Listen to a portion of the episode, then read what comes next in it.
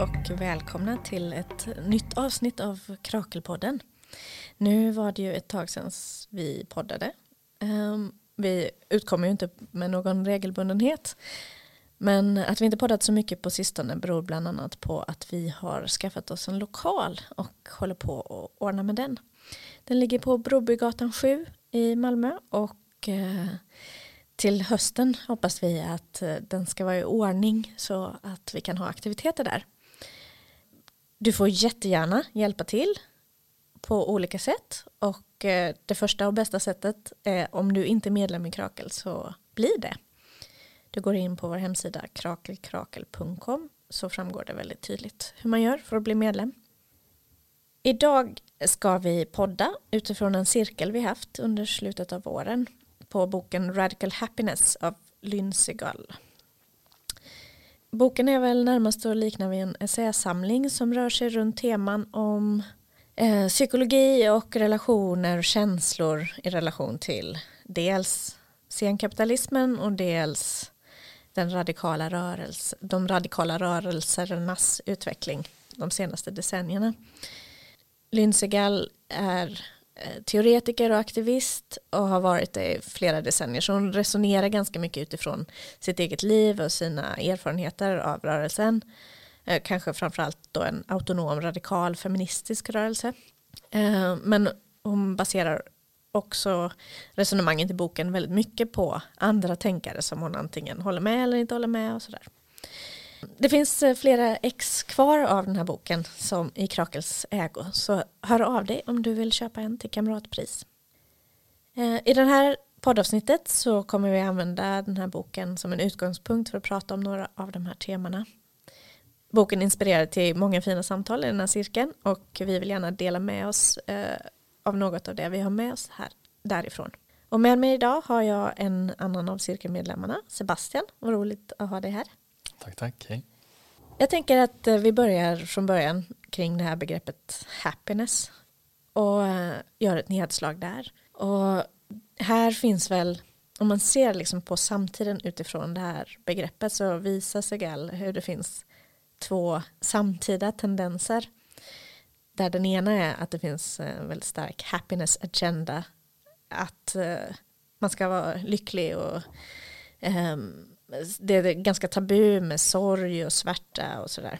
Och sammanhängande med det på något vis, men också en, en parallell trend, det är att eh, många mår väldigt dåligt i samtiden och att det är väldigt patologiserat och väldigt många går i terapi och, och så vidare. Om vi börjar här, kanske först då med det här begreppet happiness agenda.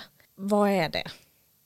Och jag tänker att att i det så finns det här att det, det är liksom tabu med ett större spektrum av känslor, att inte vara lyckad, att inte följa någon slags framgångssaga i sitt liv. Hon skriver att samhället präglas av en slags toxic positivity där även berättelser om det mörka hela tiden måste berättas i riktning mot framgång och ljus och att man överkommer det svåra för att bli lyckad och lycklig. Ja, vad tänker du om det Sebastian? Ja, hon har ju med ett eh, exempel också från, eh, jag tror det var George Bush seniors eh, presidentkampanj som hade sin officiella kampanjlåt som var Don't worry, be happy. Hon slänger in lite sådana paralleller här och var till vad ska man säga, det officiella politiska narrativet på något sätt och lycka, hur det definieras utifrån det. Och ja, det här med att ehm, man inte tillåts, um, att det finns någon form av ändå hege hegemoni kring att du ska vara lycklig och att man till och med på vissa ställen har eh, så här, uh, lyckoindex och liknande uh, för att mäta välstånd i länder och så är någonting som lite grann går emot hennes uh, definition av vad lycka är överhuvudtaget. Där hon har utgångspunkten att lycka inte är någonting mätbart. Liksom. Precis, för att kapitalismen utgår så mycket från det som är mätbart för att det måste gå att boxa in för att vara köp och säljbart och mätningen är en central del av det. Medan eh, liksom ett annat sätt att förhålla sig till lycka och olycka inte alls går att placera i de kategorierna. Ja men vi skämtade om att, eh, att till exempel att det skulle kunna finnas en app som hjälper en att sörja. Mm. För att eh, även liksom det mörka kan liksom boxas in på ett sätt som kan bli säljbart i det här samhället. Men det är det enda utrymmet som det liksom finns för det, att vara i säljbara berättelser. Vi pratade också om eh, de här mindfulness-apparna som finns överallt nu och som jag tror hjälper väldigt många människor men som ändå på något sätt vänder blicken ifrån var problemen kanske kommer ifrån från början Ehm, och är ett verktyg för personer att klara sig eller fortsätta arbeta eller så.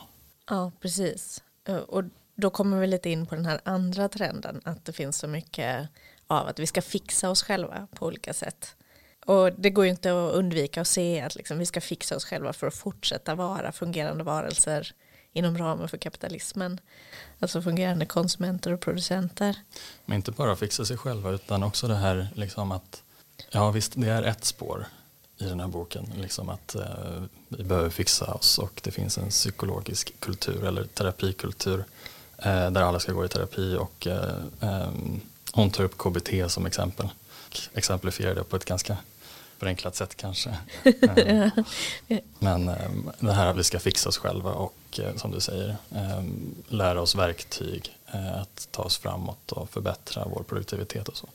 Det är ju ett spår. Men sen så ett annat spår är också det här med alltså mindfulness-appar eller andra typer av bara upprätthållande produkter eller verktyg eller så som inte kanske går, går åt någon eller en annan riktning utan bara är till för att vi ska kunna klara av att hålla oss flytande. Ja, just det. Det finns ju också någonting där i, i just specifikt den delen av eh, liksom KBT-världen, alltså mindfulness och acceptans och så. Att det också handlar om att eh, nu, nu kanske du som psykologstudent och protesterar. Men, eh, men det, det, är lätt i alla fall att läsa det på det viset att det här handlar om att vi ska acceptera den verkligheten som den är istället för att liksom protestera eller politisera den. Mm. Och uh, jag som psykologstudent kan väl bara säga att jag tror att man kan särskilja de här och också att uh, metoderna i sig kanske inte är det som är problemet utan hur de används snarare. Mm. Ja, men det, det köper jag. Jag håller också på med mindfulness och mm. meditation själv kan jag erkänna det. Och uh, finner mycket ro i det. Ja men i alla fall, boken tar ju då, som vi varit inne på, istället utgångspunkt i att smärta och förlust är oundvikligt oundvikliga delar av våra liv och av begär och lycka egentligen då också. Eh, så att lycka och olycka går aldrig helt att separera. Eh, för att citera då boken, Dreaming of happier lives overall begins from careful attention to, not disavowal of the pain of the world.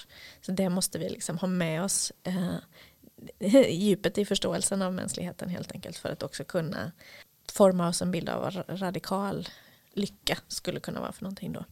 Men eh, man kommer inte ifrån då att berättelsen om samtiden eh, och vår plats här och nu är mycket också en berättelse om, om olycka. Som sagt, det är många som går i terapi, det finns den här terapikulturen. Det finns ju också en stark eh, medikalisering med väldigt, väldigt många som heter SSRI. Hur kan vi förstå det här politiskt pratar vi också en hel del om i cirkeln. För att i det här narrativet så finns det en väldigt stark liksom, individualism och det, det är du som, eh, som ska fixas på något sätt. Men det är väldigt lätt samtidigt för oss som liksom, vänsterorienterade att se att, att kapitalismen är inte organiserad för det som är viktigt för relationer, gemenskap, tid och så vidare. Det har vi pratat om också i andra poddar att på ett sätt kan man se kapitalismen som just en strid om tiden där även vi, liksom ett ganska välbärgat samhälle, har väldigt lite tid för bara vårt eget.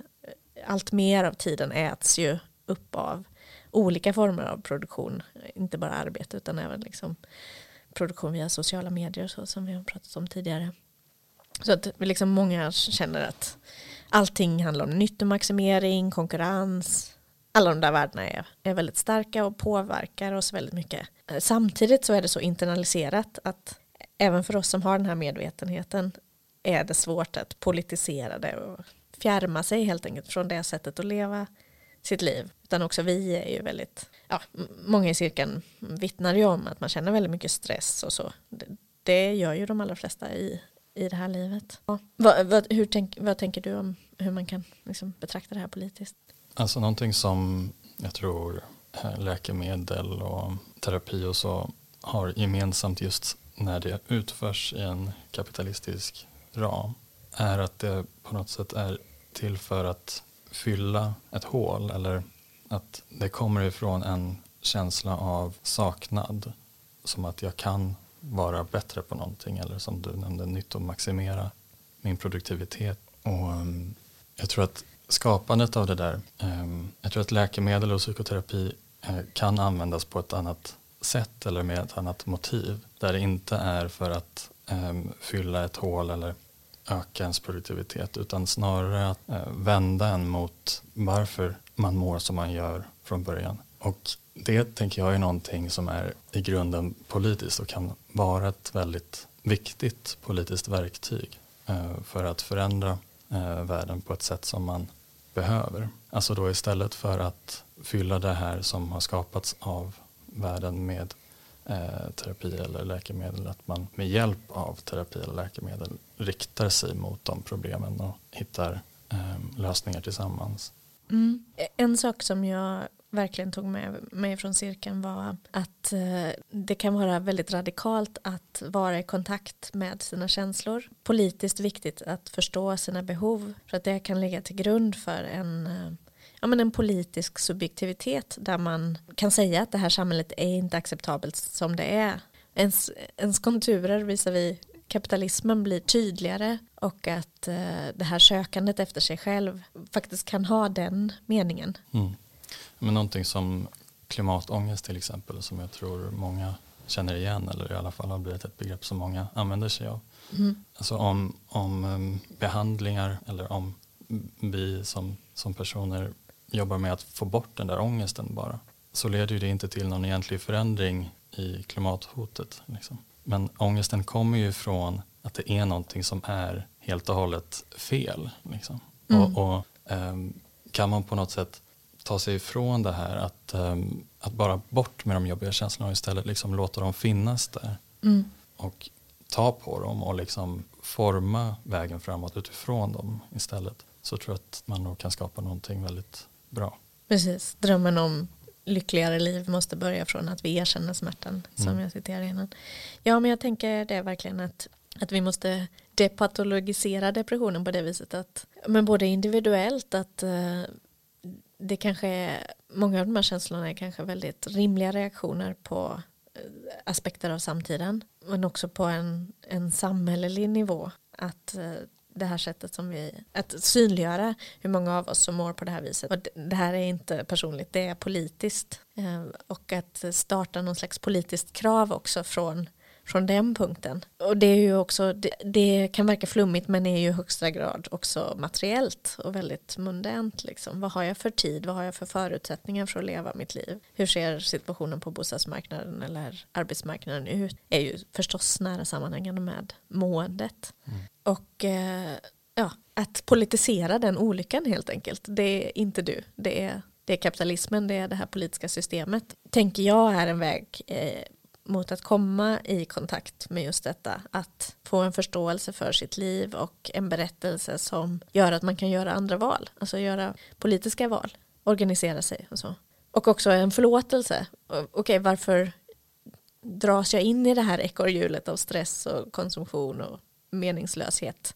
Det är ju väldigt starka krafter som drar ditåt. Starka liksom, psykologiska och emotionella krafter av liksom, behovet av bekräftelse, erkännande, det kan vara avund, ja, alla de känslorna gör ju att man hamnar i kapitalismens ekorrhjul väldigt lätt. Att man också kan se det och förlåta sig själv för det. Mm. Och som du nämnde förut med sociala medier så är ju det där väldigt inträngande liksom i våra liv. Och jag vet att jag får sån här, på min iPhone så får jag sån statistik för hur mycket jag använder min telefon. Och jag tror att det, varje vecka så får man någon sån genomsnitt.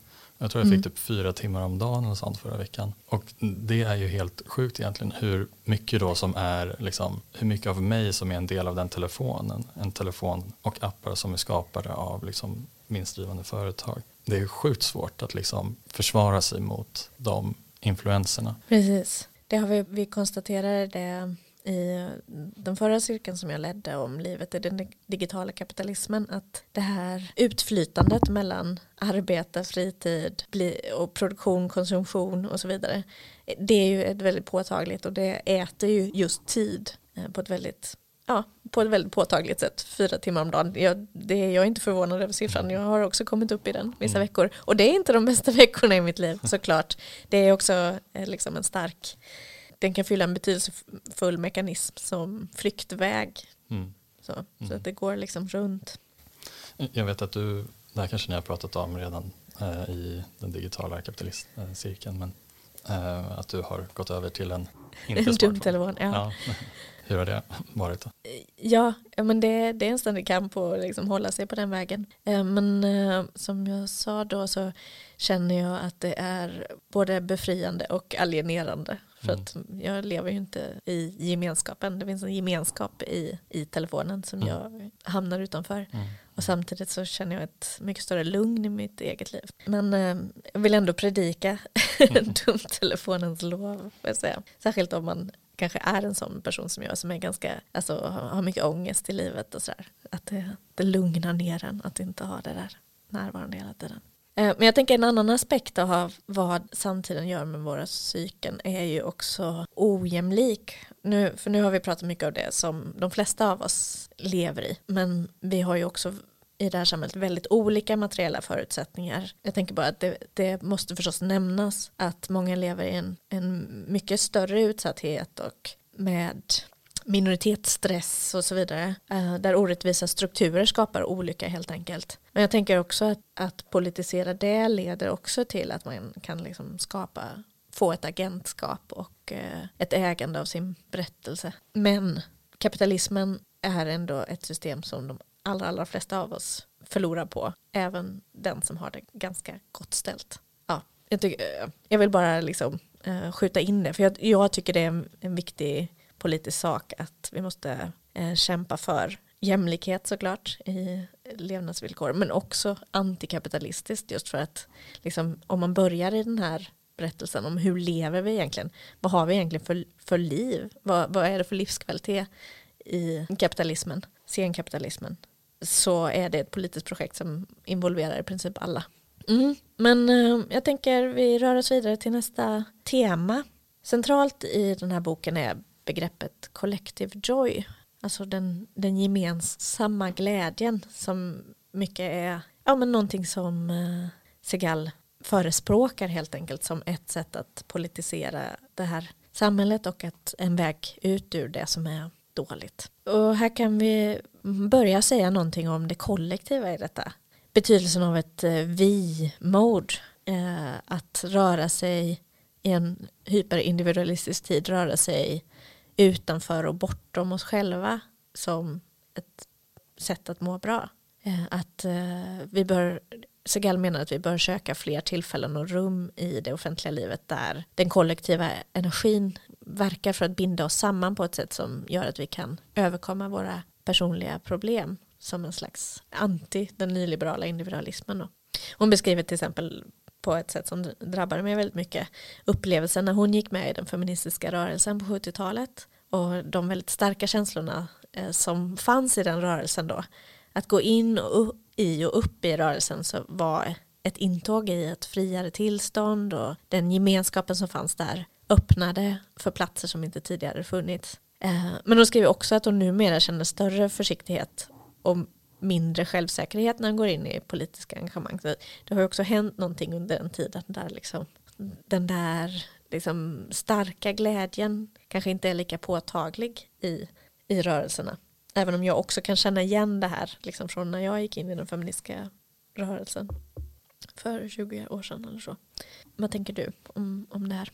Apropå eh, det vi pratade om lite grann förut med eh, mindfulness och så, så finns det ju parallellt också en kritik här som man kan rikta mot henne i det att söka sig till en rörelse i sig också kan vara en flykt ifrån sitt lidande eller sina problem och sådär. Det är det hon lyfter som någonting bra med det, men det kan också, man kan också se det som någonting som man måste vara försiktig med. Liksom. Att, ja, som jag var inne på lite tidigare med att eh, bara det att synliggöra ens egna lidande kan vara politiskt i sig och om man då hamnar i ett nytt sammanhang där, eh, där man känner väldigt mycket glädje och eh, de, de personliga problemen som man har på något sätt eh, eh, försvinner eller inte görs lika potenta så kan det vara att man, liksom, man tappar den kraften som det lidandet har.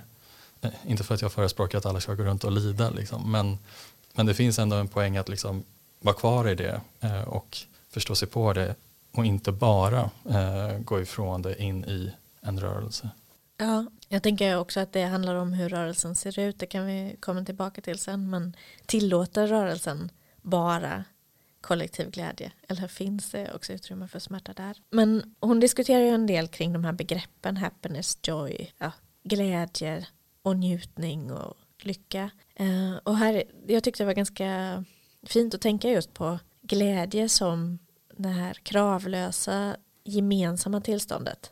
Vi lever väldigt mycket i njutningens tid, men njutningen är individuell och riktar sig inåt. Men hon menar att glädjen å andra sidan är, behöver rikta sig utåt och vara delad. Precis, hon skriver eh, till och med att eh, lycka på något sätt är, alltså måste vara kopplat till andra människor, måste vara utåt. Det finns ingen lycka utan att eh, det är att Eh, den är sammankopplad med en annan person. Hon säger att eh, genom att eh, min lycka får uttryckas och får också finnas hos en annan person som sen kan reflektera det till mig gör på något sätt att eh, den här lyckan blir bestående och konkret. Mm. Ja, och eh, det är ju den här insikten som vårt samhälle på något vis försöker bortse från att människan i grunden är helt relationell, inte existerar liksom eh, utanför relationerna. Eh, så vi har ju hela tiden massor av kollektiva känslor. Eh, vi är hela tiden reglerade av andra människor och relationer. Men en fråga som vi väckte i, i cirkeln var ju om den här delade känslan nödvändigtvis behöver vara glädje för att vara meningsfull. Att den också kan vara mer, en mer stillsam variant där man kan bli uppfylld av en känsla av liksom tillhörighet, trygghet, att vara tillåten, att vara hållen och att det kanske på vissa sätt är mer eftersträvansvärt än den här liksom starka glädjen. Jag tycker att det är svårt att liksom separera glädje överhuvudtaget från allt det där. Eh, jag tänker mig att, eh, en, att glädje har väldigt mycket med de där sakerna att göra och, och, och som du säger det är väldigt relationellt. Då. Ja, Mm, vi var ju inne på också en del kritik mot det här det kollektiva känslotillståndet.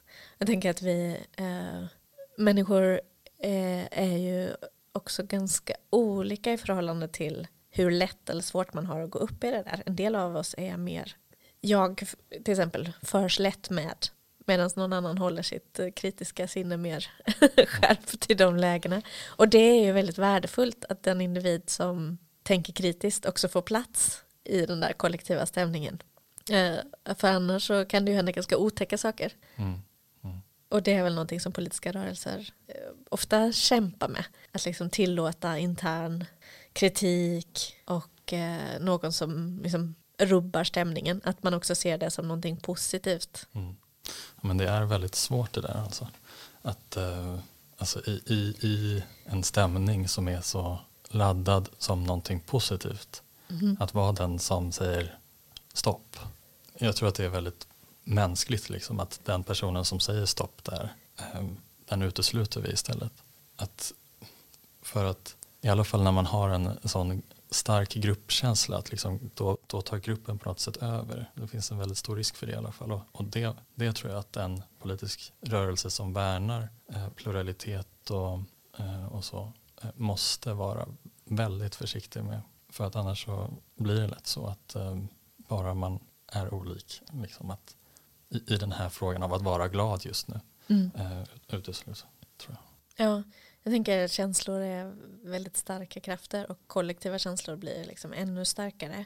Men att det är ett mål, tänker jag, för ett politiskt rum att om någon säger, ja men stopp, vänta, jag har en invändning här, att man då kan tänka, oh, jobbigt med en invändare. Mm. men intressant kanske. Kanske finns här ett, eh, en potential att lära sig någonting. Det finns en, ett värde i att vara lyhörd inför det. Men en, en annan aspekt är att det kan inte heller vara fritt utlopp kanske för känslor i politiska rum. För då blir det ju lätt så att den som känner starkast eller reagerar starkast får höras mest.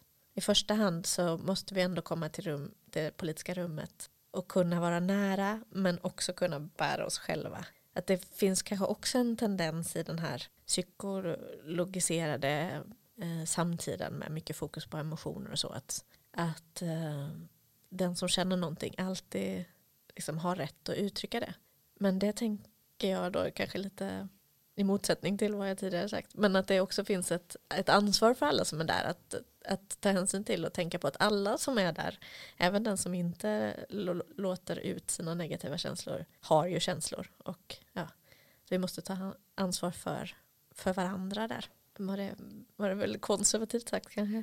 Jag tror att det är viktigt att eh, det finns en, en, en bärande funktion som, som gruppen ansvarar för och som individen ju då är en väldigt viktig del i. Men jag tycker att ja, det, är, det är svårt liksom, att uh, veta när, när blir det här någonting som är betungande för oss andra och så fort man börjar tänka på det sättet så blir det ju problematiskt. Mm. Um, så att jag, känner, jag har själv inte riktigt språket för, för, för det här ansvaret som du efterlyser. Känner jag. Ja, nej men det, precis, det är någon slags balans där som är väldigt svår. Mm. Uh, att tillåta uh, alla i rummet och må som de gör och uttrycka sina känslor och samtidigt så måste vi ta alla i rummet ta ansvar för andra. Det eh, är ju förstås väldigt kontextuellt hur det, den balansen ska se ut eller så utvecklas.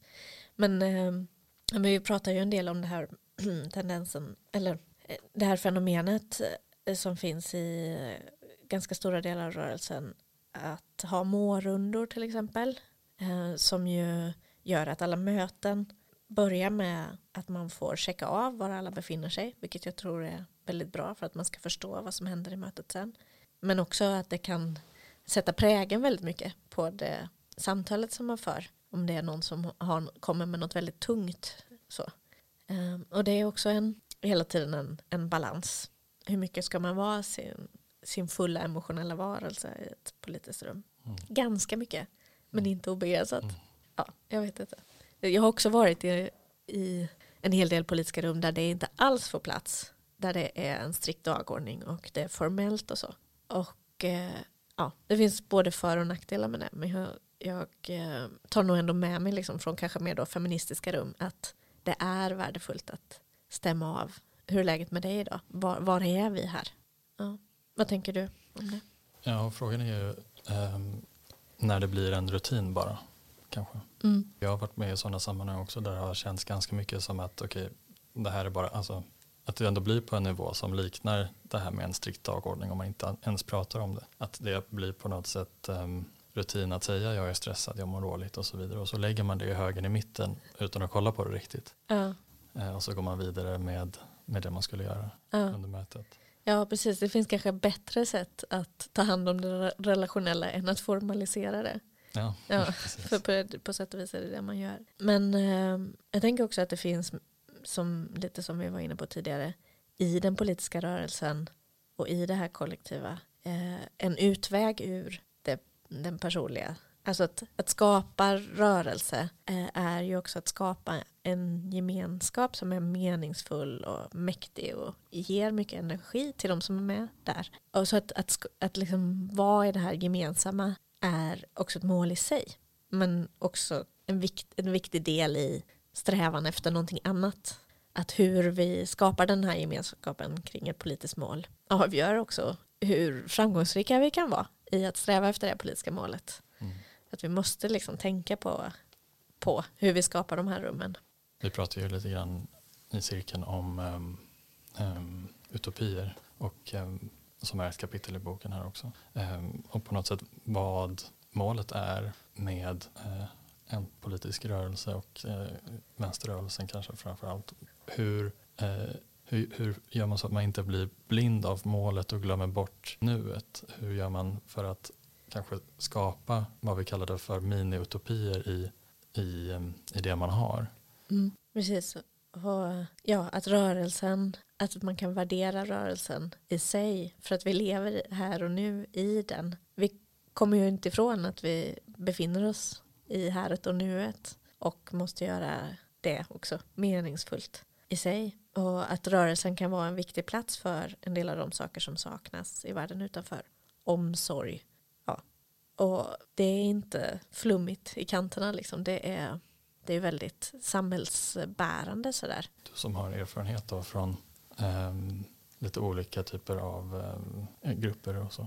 Hur, eh, när kändes det bra för dig? Liksom? När kändes det som att du hade det här, den här omsorgen som, som vi ändå eftersöker? Ja, jag skulle säga om en grupp, ju mindre en grupp är och ju mer intensivt man arbetar tillsammans, desto lättare är det förstås mm. att inkludera omsorg. Mm. Därför att då, då bygger man relation helt enkelt på ett annat sätt. Um, jag tror att eh, också att jag, eh, ja men eh, det här har jag pratat om i tidigare avsnitt när jag pratade med showen, men att det är ganska nya insikter för mig. Alltså att jag har kommit från en, en liksom organisationsform där man verkligen värderar det formella och Eh, att jag kan se nu och se tillbaka på att jag själv har upprätthållit det väldigt mycket. Jag har goda argument för det också. Det skapar demokrati och tydlighet och så vidare. Men att jag vet att jag själv har undervärderat det relationella och mjukas betydelse för hur en organisation fungerar och når framgång på något sätt. Och sen så, så handlar det om hur mycket av sitt liv lever man faktiskt i, i det. Mm. Alltså om det är någonting, någonting där man går på formella möten då och då så binder man ju inte de där relationerna som kan ge den typen av omsorg. Mm. Så det, det tänker jag också är. Ja, men jag tänker att det är ganska, det är kanske mest påtagligt i min erfarenhet av feministiska rum. För att eh, där jobbar man mycket utifrån den här känslan av ja, men systerskap eller så. Eh, gemenskap i just att vi, vi, vi, här börjar vi med att erkänna att det personliga är politiskt. Här pratar vi mycket om eh, den, de verkligheter vi lever i och på vilka sätt de påverkar oss politiskt. Och så det, det, det, jag skulle säga att det är mer framträdande i feministiska rum att just ha det relationella med sig och, och prata utifrån livet i stort. Och det är ju också någonting som jag tänker, alltså det är feministiska insikter som man ju hela tiden försöker att arbeta in i andra delar av rörelsen och att värdera det mer. Mm. Det skulle jag säga. Ja, med, med det tillägget då att ibland kan det, kan det bli liksom en övervikt av det och att det här mer liksom framåtsyftande politiska kommer bort. Så det ja, återigen den där balansen mellan de, de värdena. Men på något sätt ändå när, när, ehm, när vi pratar om det här liksom radikal glädje och kopplingen mellan lidande och eh, politiska systemet och politisk aktion och sådär. Eh, när det blir för mycket fokus på mående eh, och inte är framåtriktat, ehm, säger du då, är, är det inte det? Liksom, skapar ni inte då ett, ett rum där, där det här får finnas och där liksom, man kan ta steg utifrån det framåt i livet? Jo, men det kan ju hjälpa en i ens personliga liv. Men jag tänker att det politiska också ligger i görandet. Att om vi bara har politiska rum där vi mår tillsammans så kan det vara väldigt stärkande för individen. Eh, men det, här, det blir ju också ett sätt att på något vis eh, acceptera och överleva istället för att också försöka förändra. Att eh, om vi bara liksom hanterar inombords att vi lever i detta så eh, är det ändå någonting annat än att också agera och eh, ha liksom en subjektivitet i det där görandet. Att okej, okay, först så mår vi här tillsammans och förstår politiskt varför vi mår som vi gör. Och sen gör vi också någonting för att förändra och därigenom liksom skapar en liksom positiv riktning i våra liv. Den här känslan av att okej, okay, men jag agerar faktiskt mot det som det som liksom får mig att må på det här sättet. Mm, mm. Ja, men jag, jag, tänkte, kan vi inte uppehålla oss lite vid det där spåret du kom in på där med utopier? Ja, jag tänker att som boken lyfter fram också, att både dystopier och utopier fyller funktionen att, den, att det synliggör hur världen fungerar. Det gör oss mer medvetna och får oss att komma i kontakt med våra värden och, och därmed också vad vi ska göra.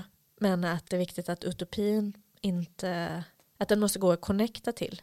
Den handlar inte om ett helt annat tillstånd utan den handlar om att stärka de värden som vi redan ser idag. Vi pratar ju utifrån, vi pratar ju utifrån begreppet värderad riktning, alltså att eh, den här strävan inte nödvändigtvis måste gå mot ett förutbestämt mål utan snarare handlar om att, eh, att röra oss mot att öka det som vi värderar och redan ser som positivt idag, till exempel ja, omsorg och relation och så, eh, jämlikhet och så vidare. Och å andra sidan då att dystopin inte heller får eh, liksom skapa en svartvit bild av världen eller en domedagsstämning utan att, eh, att arbeta med de här begreppen det är samtidigt viktigt att se att vi eh, befinner oss i en komplex verklighet. Ja, vi är här mitt i skiten, men vad är trösterikt i det tillstånd som finns här och vad vill vi öka av det som finns här? Vi är ja, alltid en process och det här begreppet värderad riktning kan liksom peka, peka riktningen mot i den här processen. Alltså det, det vi vill ha i världen, det finns här också nu. Allting är inte vinstintresse och köp och sälj, utan det finns också massa andra värden, kunskap, kärlek, omsorg, kreativitet. Det finns inte bara alienation utan också meningsfulla sammanhang och relationer. Ja, det, det tyckte jag var väldigt fint, mm. att liksom landa i det. Sättet att tänka. Jag håller med och eh, eh, någonting som också tycker jag kom fram liksom, i den här studiecirkeln. Att eh, det kändes väldigt konkret att det var det vi gjorde också. Eh, att ehm, man fick må på ett sätt som var förgyllande av det fina i det måendet. Mm. Och inte ett avstannande vid det eh, dystopiska eller det depressiva i det. Um, men det här är ju då som sagt, hennes definition av eh, glädje är ju som sagt att det finns inte isolerat från smärtan eller från lidandet. När vi stannar upp och skapar tillsammans den här, det här upplyftandet av eh, det fina så är det inte på bekostnad av det lidande utan det är med det, eh, i anslutning till det. Och där tänker jag att det finns en väldigt viktig vad ska man säga, metod, politisk metod kanske, som är viktig för att inte fastna i det där bara måendet, som du kallade det, utan att i det, i den här värderiktningen i måendet, eh, föra fram alltså det, det, politiska i det. Där tror jag att det finns en väldigt stark kraft. Ja, jag eh, håller verkligen med dig. Jag tänker också att här kan vi politiskt eh, ta med oss någonting från terapikulturen.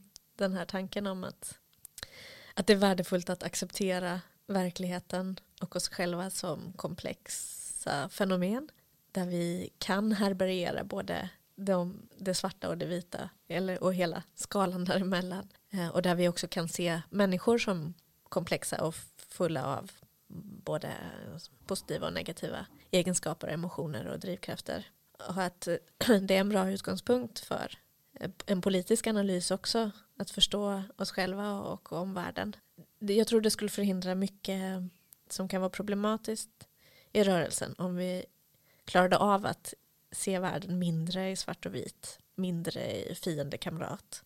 Precis, vi, vi skapar en pluralitet där vi står på något mm. sätt. Att vara mot systemen och inte människorna i systemet. Mm, mm. Ja, men precis. Um, och även då um, alltså också att vara emot en likriktning av känslor är någonting som lyfts i den här boken, eller i alla fall frågan ställs. Att eh, eh, depressivitet eller lycka kan ju båda vara någonting som fångar en grupp och eh, vi tenderar att se eh, fångandet av lycka som någonting bra och fångandet av olycka som någonting dåligt. Men jag skulle säga att det som kom fram i vår studiecirkel kanske snarare var just det här att stå i eh, pluraliteten, stå i mångfalden av känslor och anamma dem och kännas vid dem och acceptera dem och rikta oss eh, någonstans därifrån snarare än att från början bestämma oss för en känsla som vi ska känna och mm. rikta oss åt det hållet. Mm. Jag tänker också att det här är, att det är radikalt jämfört med den här samtiden som vi konstaterade består väldigt mycket av en väldig tudelning och avhumaniserande egentligen av både lycka och olycka. Ehm, Du hade ju hittat ett eh, fint Adorno-citat i boken. Det, det passar väl bra här. Då står det så här. It is part of the mechanism of domination to forbid recognition of the suffering it produces. And there is a straight line of development between the gospel of happiness and the construction of camps of extermination. That each of our countrymen can convince himself that he cannot hear the screams of pain. That is the model of an unhampered capacity for happiness. Precis, så det här starka, starka samtidsfokuset på lycka gör ju också att vi inte kan tillåta den här liksom komplexa verkligheten med där det finns mycket smärta. Mm. Mm. Hon lyfter ju eh, Hanna Arendt ganska mycket i den här boken och jag såg en dokumentär om henne igår för att förbereda mig för det här. Och eh, där är det en scen, det är så här arkivmaterial från andra världskriget och så är det en scen där det är ehm, eh, nazister som håller på att bygga upp ett ehm, koncentrationsläger och när det är färdigbyggt så, så börjar de dansa med varandra och eh, skratta och ha det kul. Och det är en väldigt hemsk scen för att jag tror att man får en bild av att de dansar och skrattar åt att här ska människor dö. Men jag tror att det snarare är, och det är väl det som Arendt liksom lyfter, att de ser inte vad det är de har byggt för någonting. De är bara med i den här då rörelsen där, som Eh, får dem att må bra. Mm. Ja, det är ju det är verkligen en, eh, en stark bild som visar problemet med eh, en oreflekterad kollektiv glädje där just inte den här pluraliteten som du säger får plats. Jag, jag tyckte också att det var fint de här bitarna som hon lyfter i boken av Arendt om att mm, liksom den verkliga radikala glädjen på något vis finns i deltagandet i fungerande demokratiska rum. Att det, det är den gemenskapen eh, som är mer, en meningsfull lycka. Eh, eh, ja, en känsla av mening genom deltagande och en pluralistisk gemenskap både möjliggör lycka och är eh, dess produkt. Mm. Det, det tar jag med mig, det var väldigt fint. Och det är väl helt enkelt det vi ska försöka arbeta med och skapa, alla vi som är aktiva i den radikala rörelsen. Alltså jag tror verkligen att man behöver eh, ta tag från tårna för att det verkligen ska kunna uppstå. Eh, som sagt, även de här mårundorna kan ju hamna i liksom ett gemensamt bara depressivt mående som också är en likriktning och inte en, ett mång- mångfaldigande. Ja. Um, och jag tycker inte riktigt att hon svarar på det heller i boken utan hon ställer mer frågan um, hur kan vi skapa det här rummet? Mm. Mm. Men du identifierar dig också tror jag ganska mycket med den här nödvändiga kritiska rösten i rummet. ja. Det är Mm. bra. Det är bra. Du är en tillgång med andra ord. Och alla ni andra som också gör det. Ja, men en sista sak om det som jag verkligen vill skicka med är att, att jag har ett problem med det här begreppet trygga rum. Alltså, det här är ett tryggt rum. Här finns ingen sexism, rasism, eh, homofobi, transfobi och så vidare.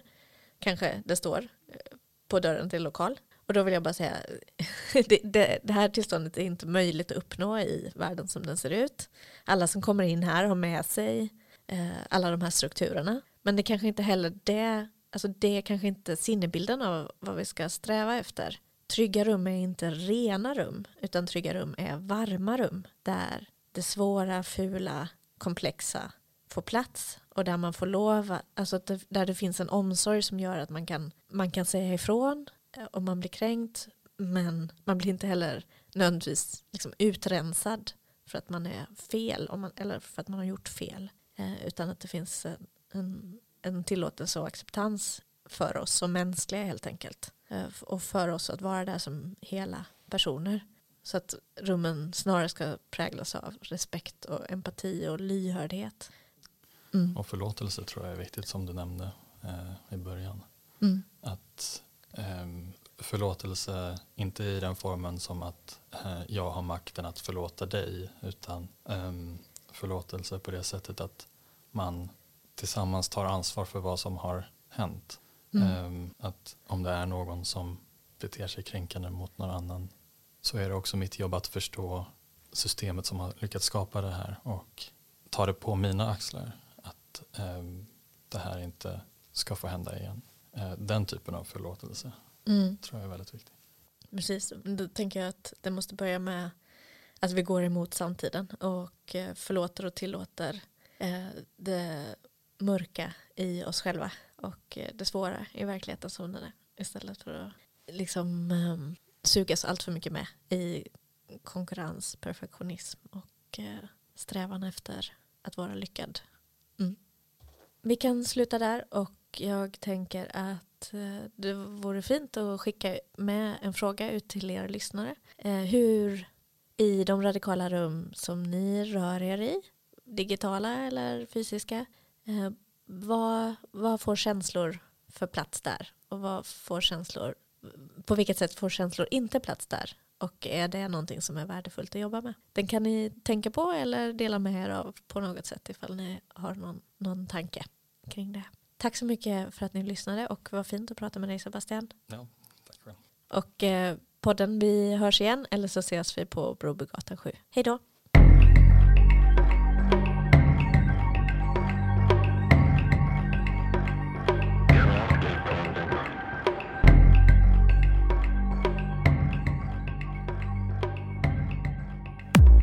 Du har lyssnat på en podcast som görs i samarbete med ABF Malmö.